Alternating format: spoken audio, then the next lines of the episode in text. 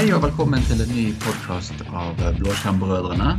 Vi har eh, vært så heldige å sammen med vårt faste blåskjermbror Olav Tvedt og meg sjøl fått med Marius Wittmann i dagens podkast. Hei, Marius.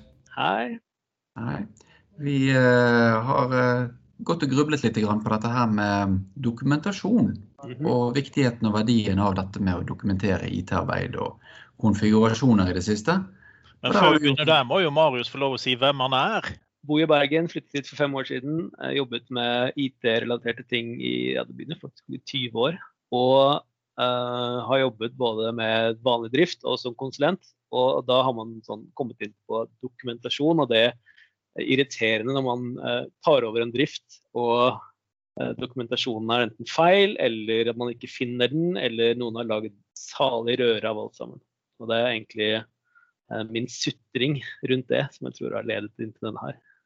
Ja, og de, fle de fleste firmaer har jo forsøkt mange forskjellige dokumentasjonsverktøy, og de bruker fortsatt alle. Så det er jo ingenting som er samlet heller, kan det virke som i mange tilfeller. Har du brukt eh, ti opp gjennom årene, så er det ingenting som er migrert sammen. Ja, nei, det er sant det, altså. Og, det, eh, og jeg har gjort det samme. Jeg har jobbet i mange forskjellige firmaer, og vi har brukt eh, eh, både Word og Wiki og alt mulig rart.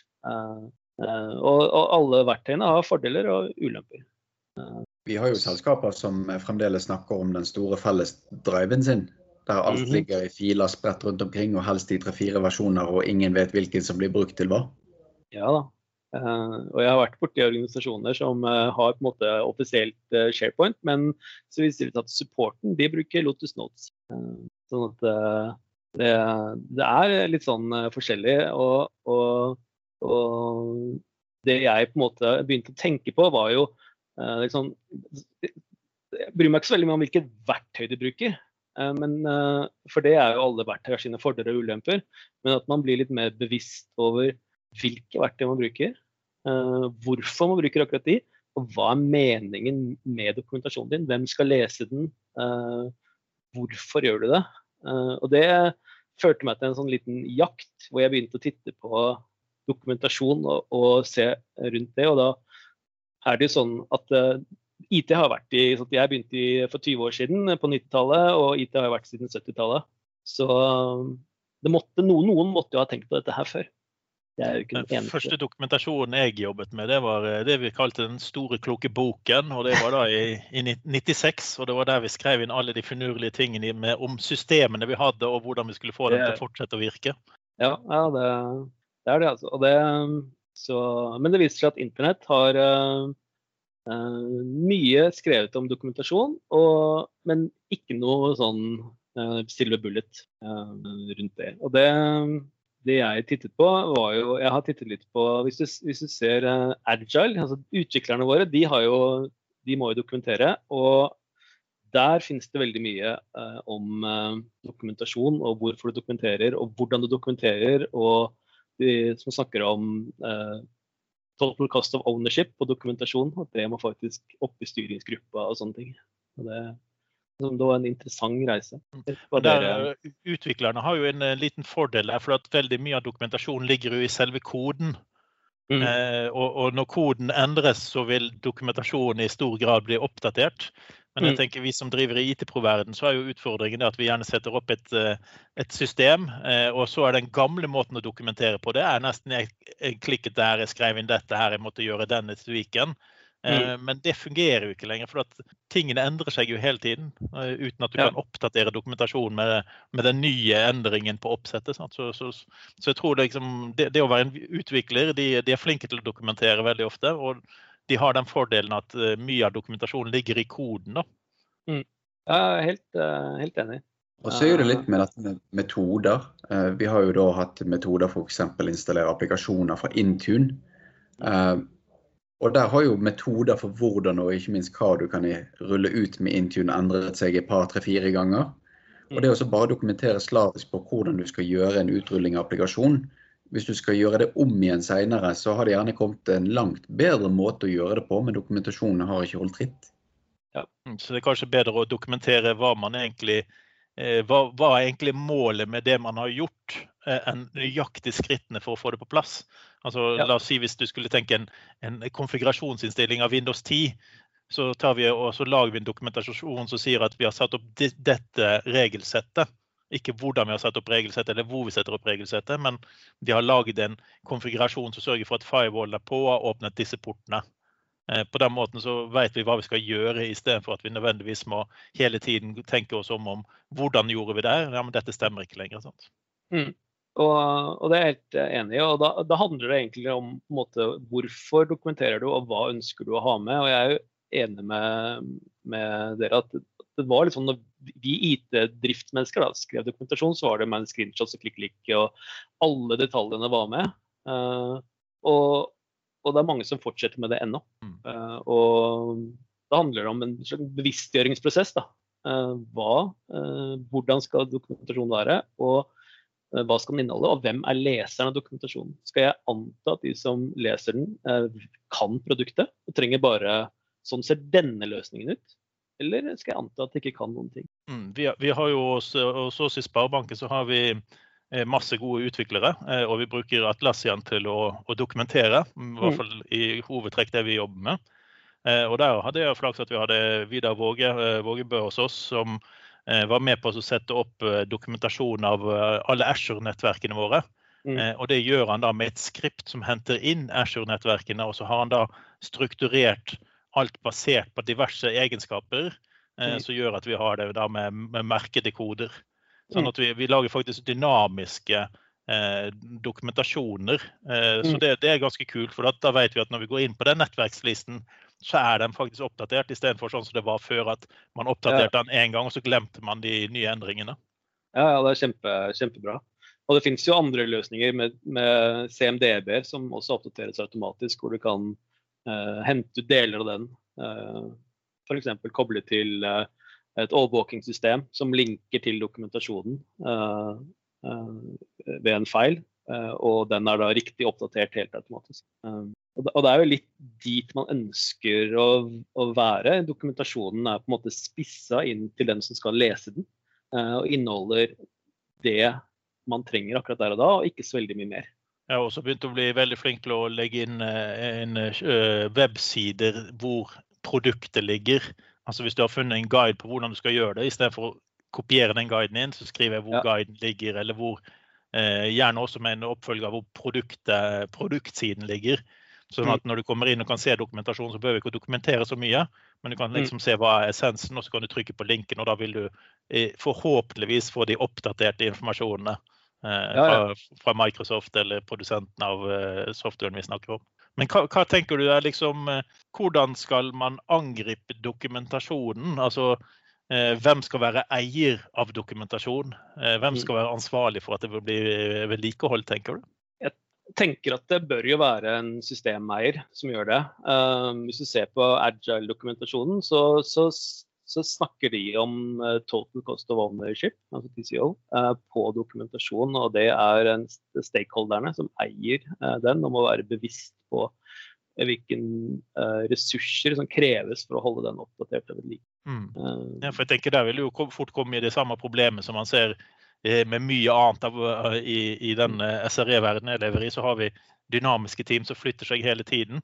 Og da blir jo litt av problemet at de som faktisk lager dokumentasjonen, eller produktet, eh, de vil flytte rolle. Eh, så da trenger man faktisk at det er en som ikke nødvendigvis skal sørge for at han blir oppdatert, men han skal sørge for at det er noen som oppdaterer han. Det er ikke han som skal gjøre jobben, det er ikke han som skal dokumentere, men han er ansvarlig for at sitt produkt også er dokumentert. Mm. Ja, helt, uh, Uh, helt enig der. Uh, vi snakket jo om på en måte verktøy og dokumentasjon, og snakket om å, å, lenke til andre sider. Og vi har jo aldri, alle vært inne i type sånn dyplenking. Altså jeg linker ikke til roten på en dokument, jeg linker ned til akkurat det som det er, som det jeg lurer på. Og, og, og, det er jo mange dokumentformater som ikke støtter det i noe særlig grad. Uh, men sånn webbaserte, ok, det er ikke noe problem å link til, et, link til et kapittel, men hvis du bruker Word eller PDF eller et eller annet, så, så går jo ikke det på samme måte. Så da, da er man på en måte avhengig av, hvilket uh, hva, eller hva dokumenterer du i, og hva skal du bruke det til. Skal du trykke en bok? Flott, Word er tingen. Skal du sirkulere et dokument? Flott, PDF er tingen. Uh, Skal du dyplenke til et avsnitt i en større dokumentasjon? Det er kanskje ikke så lett. Mm. i. Så Så du sier at min eh, store, kloke bok fra 1996 den er ikke god i dag, altså? Er det det du prøver å påstå? ja, og så er jeg litt sånn eh, er at det, altså Vi snakket om 96. eh, altså jeg leverer jo fremdeles mye av den dokumentasjonen jeg gjør som konsulent. Da. Jeg kommer jo i et Word-dokument, eh, hvis ikke noen spesifikt ber om noe annet. Eh, og, så det sirkulerer jo. Jeg har jo jobbet i drift for uh, nylig, og vi leverte jo Word-dokumenter uh, sirlig plassert dypt nede i noen filstrukturer og folderstrukturer som, som ikke nødvendigvis var lette å finne frem i, uh, med kanskje eller relatent, relatert dokumentasjon. Altså, du har nettverk, og så har du en applikasjon og så har du en database. og Hver av de ligger i forskjellige steder i dokumentasjonsstrukturen. Mm. Og hvis du linker til et dokument inni der, så kan du banne på at noen har, lagd en kopi, og så har de kalt det versjonen 1.1. Ja, så ligger så, det et annet sted. Yes. Sånn at, Men det er jo gjerne sånn at det er veldig, veldig, mange ganger så er det en, en, konsulent som kommer inn og setter opp de komplekse systemene som man ikke kjenner fra før. Og, og de ja. får jo ikke tilgang i dokumentasjonsproduktene eh, dine. Så de Nei. lager disse dokumentene som du snakker om. Sant? Så så man må også ta høyde for at når du skal du faktisk være ansvarlig for å installere et produkt, så må du enten sørge for at hvis dokumentasjonen kommer i Word eller PDF, så må den bli lagt inn i tilsvarende system i en produkteier som må, må, ta ansvar. Ja, ja. Og så er det jo også sånn at, eh, at eh, jeg som, som konsulent, eller jeg som eier av et system, altså teknisk eier av et system, uh, trenger dokumentasjon som er ganske dyp og detaljert ned til INI-filer og liksom, uh, kanskje som vi sagt om, det, som vi ikke likte, bilder av installasjonen, hvordan alt var gjort. Sånn at jeg kan uh, finne igjen dokumentasjonen uh, seinere og hva akkurat den innstillingen var. Men servicedesken trenger jo ikke det. De trenger generell feilsøking. Men uh, hva skal servicedesken gjøre? Skal de lage sin egen dokumentasjon? Det er dobbelt opp. Det er duplikatinformasjon. Det er jo fy-fy. Uh, um, skal de, eller skal de eller skal de dyplinke til avsnittene som er interessant? Ok, det går ikke i Word nødvendigvis. Uh, eller hvordan skal de tilnærme seg at det er forskjellige behov hos de forskjellige leserne av dokumentet? Og hvordan skal man enklest legge til rette for å få det til? Uten å duplisere eh, dokumentasjonen. Ja, for du har jo forskjellige, forskjellige, brukere av den. altså Du har jo slutt, fra, alt fra sluttbrukeren til utvikleren, liksom, og alt midt mm. imellom. Så, så mm. informasjon til det ene er gjerne overkill, og for det andre er det for lite og verdiløst. Så. Ja, ja. Uh, og, og, så er det jo sånn I databaseverden så er jo duplikatinformasjon er fy-fy. Uh, da lenker du til den informasjonen. Du skal, skal, bare ha én ting ett sted på én av den ting. Mm. Men, men, da kommer du jo inn på det som er litt av de, de andre problemene man har sett. Det er jo det at du leter etter dokumentasjon på nettet. Og endelig finner du det avsnittet i søkemotoren som er drømmen din. Sant? Så trykker du på det, og så er det borte. Er du heldig, så kan det ligge i cashen, så du får, får, det siste du trenger. Hvor ofte har man ikke gått inn i Google-cashen og funnet den versjonen av dokumentet som, som var linket til? Ikke ja, ikke sant. Ja. Ja, ja det så det er gode poenger. Da. Og, det, det, og det viser jo at, at eh, det å Uh, ha et veldig bevisst forhold til dokumentasjon. altså Hvem leser det, hvem skal bruke det, hva skal innholdet være. Unngå duplikater. Ikke lage den for teknisk, men ikke for grunn. Uh, jeg opplever jo at uh, ikke alle stedene jeg jobber, så er man like bevisst overfor den. og da oppstår det gjerne sånn at man klipper et utsnitt av et Word-dokument og putter det inn på en wiki-side eller på SharePoint. og så viser det seg at ok, men nå har jeg fire versjoner av den dokumentasjonen. Har jeg akkurat dette avsnittet, og alle er litt forskjellige. Det snublet jo vi over her forleden dag, Olav. Eh, vi hadde jo en eh, litt sånn intrikat episode der vi skulle finne tittel på en sesjon som ble holdt på Microsoft Ignite i 2019. Og Den fins jo ikke på internett lenger, men der var jo det en kar som hadde eksportert hele session-katalogen til konferansen og lagt den ut i Excel-format. Så, så, man har liksom både produkter som endrer seg dynamisk, eh, sånn som Intune, Office og, og ekstremt mange andre produkter. Og så har man tjenester og funksjoner som ikke endrer seg like ofte. Har du konfigurert DNS eller DHCP, så er det liksom det er satt opp på denne virkemåten for de. Og så har du alt imellom. Eh, og når du da i tillegg kommer dit hen det at eh, Intune f.eks., det bytter gjerne ikke navn, men det bytter absolutt alt inni seg. Mm. Uh, og da har du gjerne litt sånn utfordringer med at ting bytter innhold, sånn som f.eks. Ignite-konferansen. Da bytter man bare ut hele nettsiden og session-katalogen, men man får ikke se det som har vært de tidligere årene. Men jeg vil jo bare påpeke at du nå snakket om Endpoint Manager og ikke navn.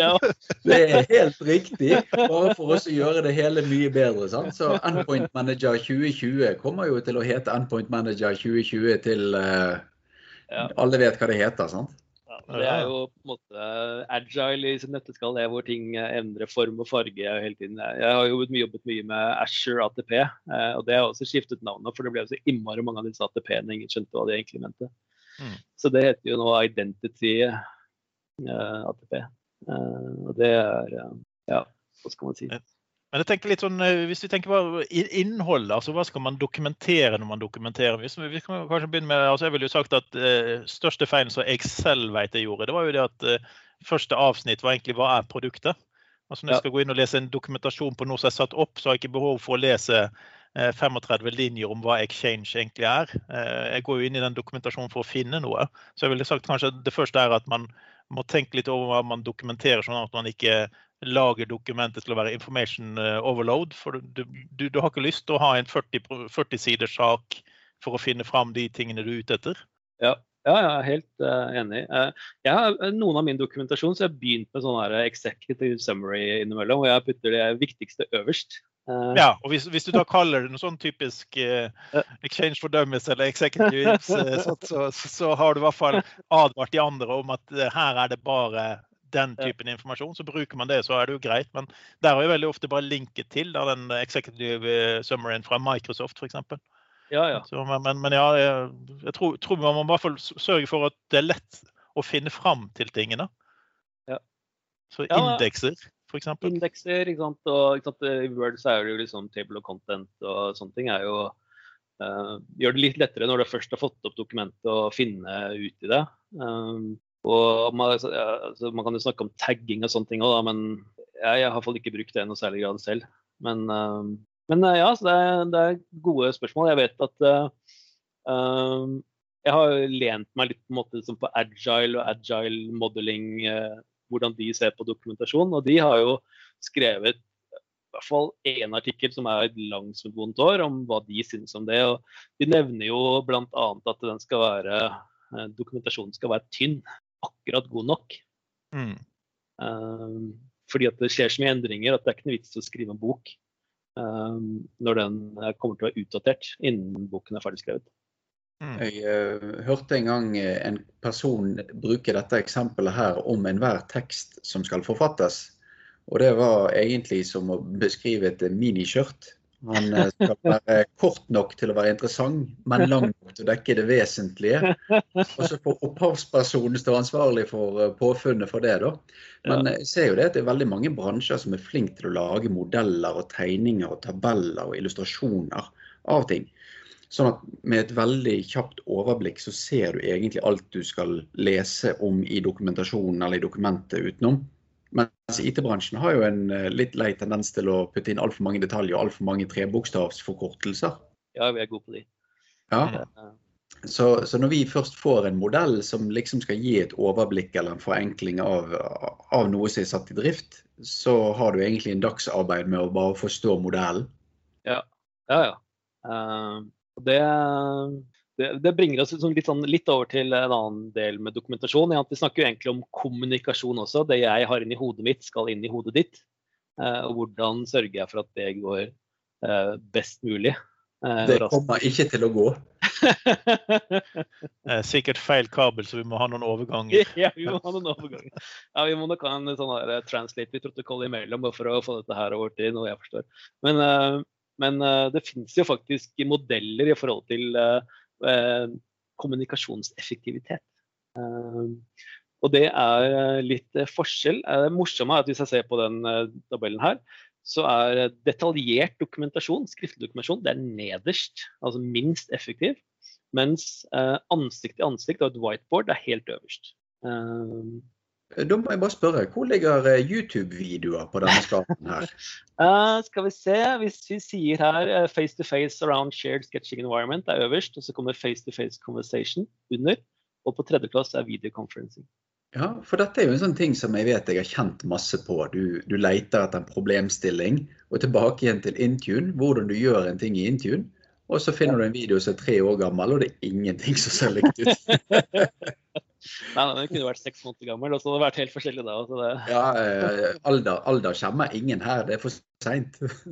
ja, ja. Men, men, det er jo litt, også litt festlig det vi kommer inn på, for det er mange som lager video eh. Men eh, hvor mange av oss er det som på en måte putter den opp til ganger to, sånn at du ikke skal sovne på veien? Eh, det tar jo vinter og vår å høre på en, eh, en, lang video om man skal forklare et eller annet som du lurer på etter ti minutter. Så det du sier er at de kommer til å sette denne videoen på ganger to for å få med seg alt om dokumentasjon? 2,5 tipper jeg. ja. Jeg så en sånn TED-talk sånn, her for en uke siden. og Det var en dame som snakket om effektiv Nei, egentlig snakket om hvordan være en god lytter. snakket om. Uh, og, men jeg bet meg merke i en ting hun snakket om. Det var at uh, mennesker uh, kan prate med ca. 250 ord i minuttet. Men vi kan lytte med 500. sånn at vi kjeder oss når vi hører på andre folk prate, for det går for sakte. Jeg måtte, jo, jeg måtte, jo, ha en teknisk support her til konemor da hun hadde kommet ned fra Stoltsen-turen sin her forleden dag. Eh, for hun sa at alt gikk så fort. Og så eh, viste hun meg Spotify, for hun pleier å høre på podkaster når hun går. Og så viste hun Spotify, og da hadde hun klart å komme bort til den gange tre-knappen uten å skjønne hvorfor. Og hun trodde først at det var de i podkasten som bare tulte. Det var eh, en, en morsom podkast, for å si det sånn. Altså, hun trodde, trodde at det, eh, det, var bare tull, men plutselig kom gjestene, og de begynte å snakke like fort. Skjønte hun at det var noe galt. ja, så ganger tre, det ville da si at det knuser den eh, eh snakke 250, lytte 500. Dette var da 750, sant? så det er ikke rart at det blir problematisk. Nei, da, da får du liksom buffer overload etter hvert. Du... Ja.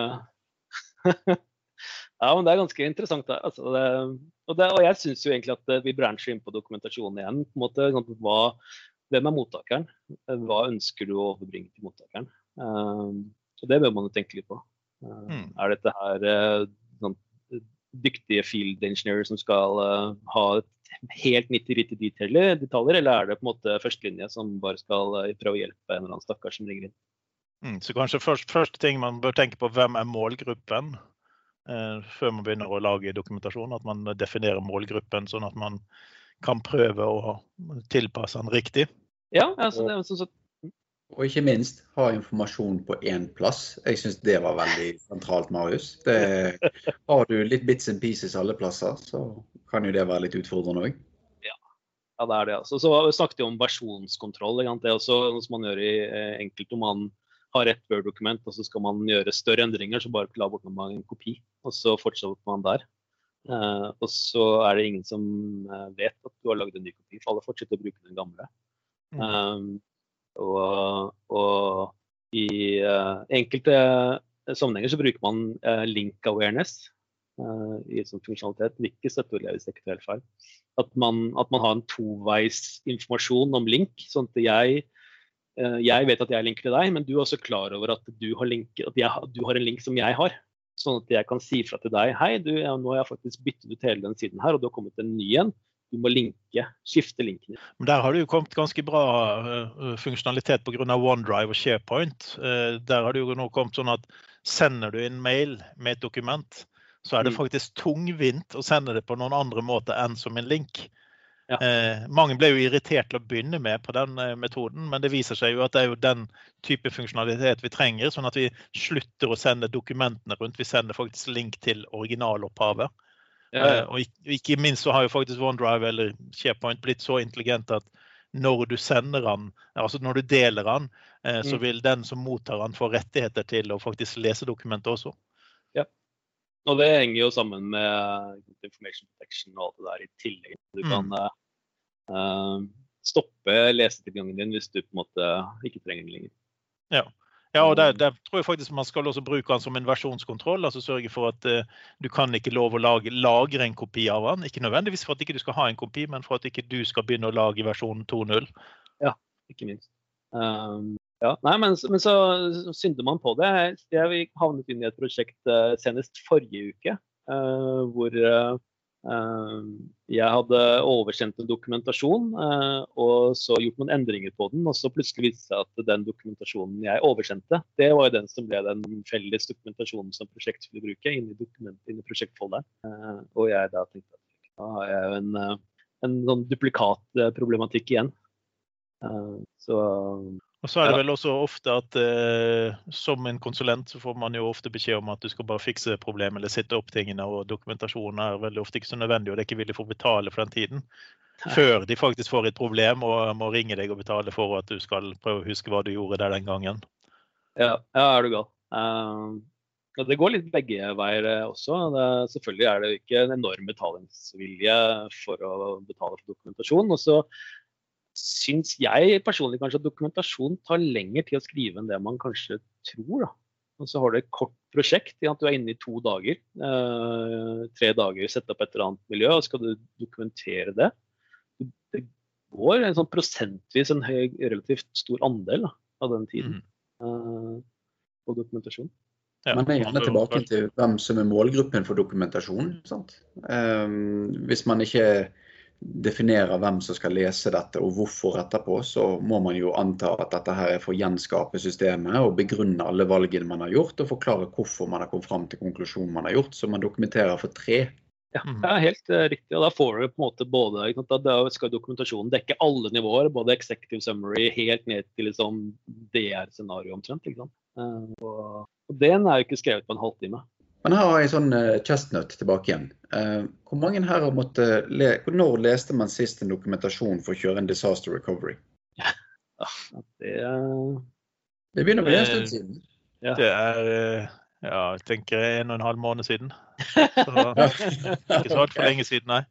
nei. Så, det kalles jobber i systemer som slutter å virke, nei. Det, nei. Så, og det er jo litt av problemet. Man forventer at tingene virker, at man ikke behøver å se så mye på det. Men i mitt uh, tilfelle så var det sånn at når man kom inn og så, så var det for dårlig dokumentert. Og, og, og egentlig for lite linker til hvor informasjonen kom fra, følte jeg da. For det var mm. veldig mye man kunne ha løst med bare å få vite hva var Eh, hva var eh, grunnlaget ditt for å gjøre dette oppsettet? Eh, jo, her er best practice-guiden som vi fulgte. Her er konfigurasjonsmetodene som vi fulgte. Og så bare heller vi har slått på disse tingene. Altså sånn veld, ja. veldig kjapt og enkelt. da, Som gjør at det faktisk er litt lettere å, å rekonstru, rekonstruktere ting. Da. Men jeg ser at en av de tingene jeg nå trenger hjelp med, eller egentlig å gjøre, gjøre selv, det er jo det at eh, nye SSL-sertifikatene som du får, de er jo bare nå gyldige et år. Eh, og det betyr at alle tjenester du har ja. som bruker sertifikater som kan være ganske intrikate å bytte og kan forårsake nedetid, de må nå byttes årlig istedenfor tre år som man gjerne hadde før. Og da begynner det plutselig å bli veldig viktig med dokumentasjon på hvordan i all verden skal vi sørge for at dette her går riktig neste gang også. Ja. Og da har plutselig fått en sånn det er på en måte statisk, for det er en veldig spesifikk operasjon som skal gjøres. Men samtidig kan du risikere at portal og konsoll og virkemåten i bakkant forandrer seg fra gang til gang. Mm. Så da har du både at jul skal feires hvert år, men det er ingen som vet hvordan jul i år er. Ja, ja, ja det er, eh, er Og så syns jeg det er veldig gøy med, med spesielt sertifikater. For man har en tendens til å ikke lage skreddersydde sertifikater. Det er noe sånn wildcard som blir bare delt ut overalt. Eh, og i løpet av tre år da, så har det dukket opp noen steder. da. Eh, nye tjenester, og så har man glemt å si fra. Eh, så jeg har vært borti mange ganger hvor vi har skiftet ut sertifikat, og så bytter man på de tjenestene man visste om, og så må man bare vente på det som slutter å virke. Mm. Og Der kommer du jo ja, der kommer du faktisk inn på hva, hva ofte mangler i dokumentasjonen. Det er hva går gale hvis dette går gale. ja. Ja. Nei, men det er, eh, det er sant, det. altså. Det, ja. det blir vel Nei, sånn som de sier med å bygge et hus. Du er liksom aldri fornøyd med det huset du bygger før du har bygd uh, tre ganger.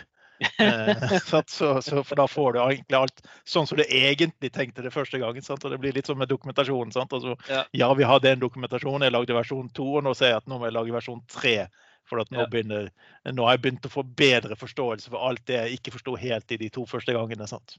Ja, ja, hvor du ser ting som OK, dette her husker jeg for jobben hver dag, men disse bitene her glemmer jeg alltid. Så det må jeg dokumentere nøye. Ja, ja.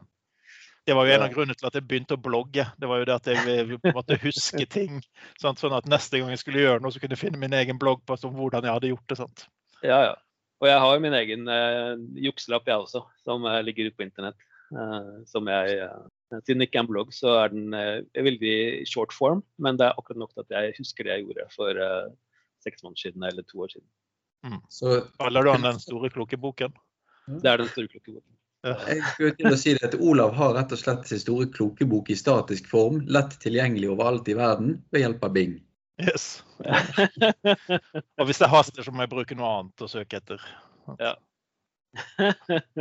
ja, nei, men det er, eh, det er, det er eh, Men eh, dere som blogger dere har jo da mye statisk dokumentasjon. Da. Sånn så Device Manager ut eh, når det het Intune. eh. Ja, det er sant. altså Mye av bloggen er det. Men altså, fordelen med at man har delt det, da, det er at man fort kan få en forståelse og et utgangspunkt. Ja. Eh, og så er det visse ting som ikke endrer seg. Altså, jeg, ser, eh, jeg har ikke jobbet med MDT på fem-seks år. Eh, og fortsatt er en av de som får mest hits, det er hvordan du setter norske settings i disse INI-filene. Sant? Jeg husker ikke det selv, men eh, tydeligvis veldig mange som blir hjulpet av at jeg husket det en gang i tiden. Ja, ja, ja. Nei, det er eh, Jeg ser den Det jeg har dokumentert også, er jo NTP. altså Network Time Protocol, og hvordan man får det satt opp overalt. Som, som pussig nok ingen husker. og som alltid er litt sånn mystisk, men som egentlig ikke er noe vanskelig. Eh, Ja, sant. Men du må gjøre det riktig. sant? Ja, du må gjøre Det det er ikke vanskelig å gjøre tingene. Det er å komme fram til hvordan man gjør det, så tar tid. sant? Ja, ja. En annen sånn fin eh, ting eh, Er det noen her som har, eh, har terminert eh, nettverkskabler? Jeg har jo gjort det min brorpart av livet, men jeg husker jo aldri fargekombinasjonen. Så, så, så det er jo veldig mye kunnskap i IT-bransjen som er statisk og har vært der siden ja. både 70-, 80- og 90-tallet. Men det som har skjedd da de siste spesielt ti årene, er jo at det har fått veldig mye som forandres veldig fort, og helst uten forhåndsvarsel. Men, Ah, ja. men når du snakker om å terminere nettverkskabler, så tenker jo jeg på koakskabler som hadde en terminator på enden. Og hvis den forsvant eller kabelen ble delt, så hadde du jo problemer. Da måtte du gå på gulvet og lete etter hvor eh, access token hadde falt ut. sant? Ja. Men var det 75 eller var det 50 ohm som var på nettverkskabler på den tiden? For den ene var TV, og den andre var nettverk. Ja, ja, stemmer. Ja. Ja, det er ikke. Det, det var ting som har sluttet med, heldigvis, eh, før jeg begynte med, med eh, IT. Jeg, eh, startet jo med nettverk jeg for 20 år siden, og, det, og det, der var det rester av, eh, av sånne nett. Men de heldigvis eh, eh, si, migrert vekk fra de innen jeg begynte. Det var helt greit. Ja, det, var, det var stort sett borte når jeg holdt på det, men jeg husker en gang hvor jeg hadde kjørt i to timer ut til en kunde med laptopen min med en oppgradering til systemene deres, og så oppdager jeg at de har eh, tokenring-nett, og jeg har jo ikke tokenring-nettverkskort til laptopen. Det var jo så vidt man hadde nettverkskort i det hele tatt, sant? så jeg måtte kjøre to timer tilbake igjen og få en adapter, og så kjøre ned igjen på nytt. Ja, ja. Så, Nei, det, ja. det høres uh, kjent ut. Det, Mm.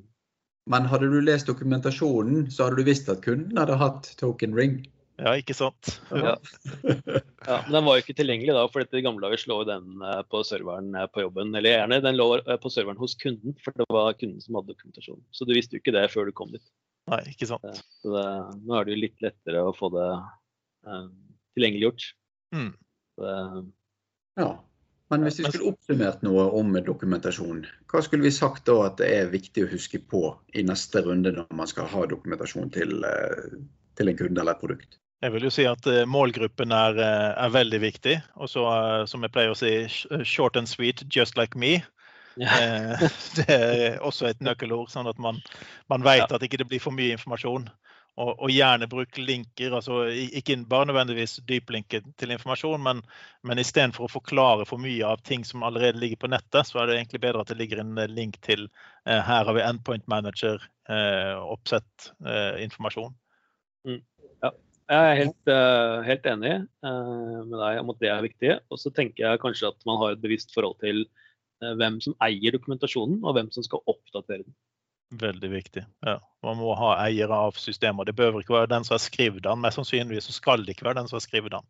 Det bør være, være noen andre som er permanent involvert i produktet eller teknologien vi snakker om, istedenfor at det skal være en stakkar som jobbet med det for tre år siden, som eh, plutselig blir dratt fram fordi det er et problem. Sant? Ja, jeg er helt enig. Um, det blir jo den klassiske Raki-modellen. på en måte. Noen sitter jo med eierskap på applikasjonen. Mm. Man bør også eie dokumentasjon. Og så kan det være lurt å tenke dokumentasjon i det du begynner å jobbe.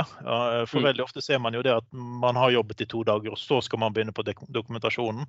Eh, Hvis man tar seg noen skjerm, eh, skjermbilder i ny og ne, eller eh, lager en sånn OneNote, sånn som jeg ofte jobber med, så lager jeg en OneNote med de teknologiene jeg jobber i.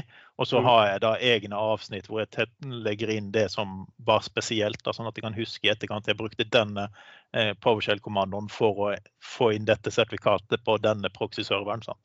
Ja, ja. ja det er veldig, veldig viktig å, å gjøre det. Og ta løpende notater underveis, og, eller Mm. screenshots hvis man eh, vil ha, hvis det er enklere. Mm. Ja. Ja. det. Men da har vi vel egentlig kommet fram til at uh, dokumentasjon er fortsatt veldig viktig, men man bør være litt mer, uh, litt mer bevisst på det hele veien. Ja, Tenker blir, det, vi blir ikke kvitt det. Enten dokumentasjonen kommer som følge av uh, disaster recovery, kunnskapsoverføring eller snapshot av teknologien i tidens tann. Ja. Eh, Et, sånt lite tips faktisk hvis du skal sette opp en tjeneste, la oss si du skal sette opp en server. eh, Se om du kan sette opp den serveren basert på kommandolinjer. Altså Er det en VM, så kan du mest sannsynligvis konfigurere nesten hele ved hjelp av eh, en kommandolinje. Og da har du dokumentert oppsettet. Ja. Så det kan være greit å bruke det. Altså det la, oss- stjele, litt fra utviklerne. Altså de bruker gjerne da eh, Terraform-skript for, for å lage Mm. det de måtte ønske å få lagd. Og da, da har de dokumentasjon der og da, så du kan lett gå tilbake til. Så- ja, infrastructure as code. Ja, la oss ikke begynne den diskusjonen av det. Nei. Men jeg er helt enig. Det, det løser jo en del av de problemene som er med dokumentasjon og det å gjenskape miljøet. og det å Da kan du også lene deg på de verktøyene, repositorieverktøyene som utviklerne bruker. Liksom. Eh, og Hvis du kommenterer litt underveis i koden, så har plutselig dokumentasjonen i kildekoden med. Mm. Så eh, det hjelper jo veldig mye. Eh, så, men det, det er jo et helt nytt kapittel. Ja, ja da. Og det kan, virke tung, det kan ofte virke tungvint, for du kan bruke litt, litt mer tid til å sette i gang med det. Men, men eh, veldig ofte finner man ut at, man kan, eh, at, at det lønner seg å kunne gjen, gjenbruke koden. Altså jeg bare tenker på PC-ene mine. Jeg har eh, x antall PC-er og gjør x antall endringer og x antall reinstallasjoner. Så jeg har lært meg at alt jeg installerer, så vidt det er mulig, installerer jeg ved hjelp av Chocolatey-pakker. Eh, Sånn at jeg har en install Chocolatey-pakke som gjør at jeg får samme oppsett uansett hvilken PC jeg får på. Så får jeg all softwaren min inn på den måten. Om det er Visual Studio Code, om det er PowerShell. eh, Alt annet kommer liksom inn på en måte som gjør at jeg kan gjenbruke den koden neste gang. Det, det er egentlig bare snakk om noen linjer som tok meg en, tok meg en god stund til å begynne å lage. og det tar meg et par minutter i ny og ne når jeg legger til en ny applikasjon, men jeg bruker akkurat samme streng hver gang jeg oppdaterer eller installerer nye, eh, nye pakker på PC-en min. Så jeg hører vi har en fin opptak til en ny podkast om dokumentasjon. Hvordan fungerer rett og slett eh, kode som dokumentasjon og helautomatisering. Ja, det er, eh, ja, men det er eh, sant, ja. Altså det men jeg gjør det samme. Jeg har jo Asher-laben min som jeg demonterer hver gang for å spare penger. siden jeg er en gjerdeknark. Eh, og den eh, skripter man jo opp igjen. Det er bare kjøre en runbook, og så er den uh, oppe på en halvtime. Og kanskje et, eh, et siste tips jeg kan komme på, det er jo det at eh, eh, ikke vær redd for at du ikke får Pulitzer-prisen for dokumentasjonen din. Eh, eh, skriv egentlig sånn som du har lyst til å skrive det, sånn at det er forståelig. Ikke tenk på om det er grammatisk riktig. Så for at plutselig bruker man for mye tid på dokumentasjon på det som egentlig er uviktig. Det, det er jo informasjon som ligger der som er viktig. Altså det, det skal være som en Svein Hassel-bok som faktisk er mer direkte forklart enn at du Mm. sitter der og finner ut hvordan skal jeg si dette på vakrest mulig måte til de som skal høre på eller eh, lese. Så Jeg trykker på tasten. Han var skjønn. Ja, det er jo ikke poesi de skriver nødvendigvis, men eh, Nei, jeg tror det er der mange egentlig bommer litt på, på dokumentasjon. Eh, De er redd for at de tenker gjennom at dette skal være et, et dokument som du leser som en bok, men egentlig bruddstykker av det som blir brukt. Så det er mer viktig å tenke på det at den informasjonen som er, er der, er, to the point, ikke det at det er en stor, lang roman du sitter og leser. Så det, jeg har faktisk eh, to punkter her fra, fra en sånn agile, eh, soft, eller agile eh, documentation eh, eh, punkter. Og det nummer eh, er det faktisk nummer 11 er 'Documentation should be just barely good enough'. Og nummer 12 er 'Comprehensive documentation does not ensure project su success'. In fact, in, it increases your chance of failure'. så var, jeg ble litt glad husker jeg, når jeg begynte med, med den dokumentasjonsfrustrasjonen min for noen år tilbake, og fant noen som hadde tenkt mye av dette her før, og skrevet det ned. Så, mm. Det er kanskje også et råd. Ikke, ikke finn opp hjulet på nytt igjen hvis du eh, skal begynne med dette, men les litt av disse guidene som allerede finnes, sånn at du får hovedtankene. Ja. Så Det som er litt trist, da, er jo at det er jo software-gutta, utviklerne, som, som, har vært gode på å lage modeller for dokumentasjon. Eh, hvis du prøver å finne eh, tilsvarende for ren administrativt, administrativt arbeid, så er det mye tynnere. Mens disse som lagde disse rammeverkene som vi bruker mye av, uh, DevOps, Agile og you name it, de har vært flinke. Men ikke alt er overførbart. Det... Yeah. Da begynner vi vel å bli klar for å avrunde, Aleksander? Ja, det er på tide å fete opp uh, skillsen i dokumentasjonen til IT-pros. Mm -hmm. Skulle ikke du bare gå over til å spille inn videoer? Var ikke det du snakket om her? jo, vi får prøve det. Vi kan prøve det. Ja. Er det noen som sa at jeg er ikke så veldig glad i video? Kan jeg spille det liksom i tre ganger hastighet? Uh, det... Altså, Vi høres best ut på sånn ca. 2,5. Eh, tre blir det litt eh, rart, men 2,5 går bra. Ja. ja. ja. Nei, det er liksom prøve å skumlese en video. Det er veldig vanskelig. Uh, ja.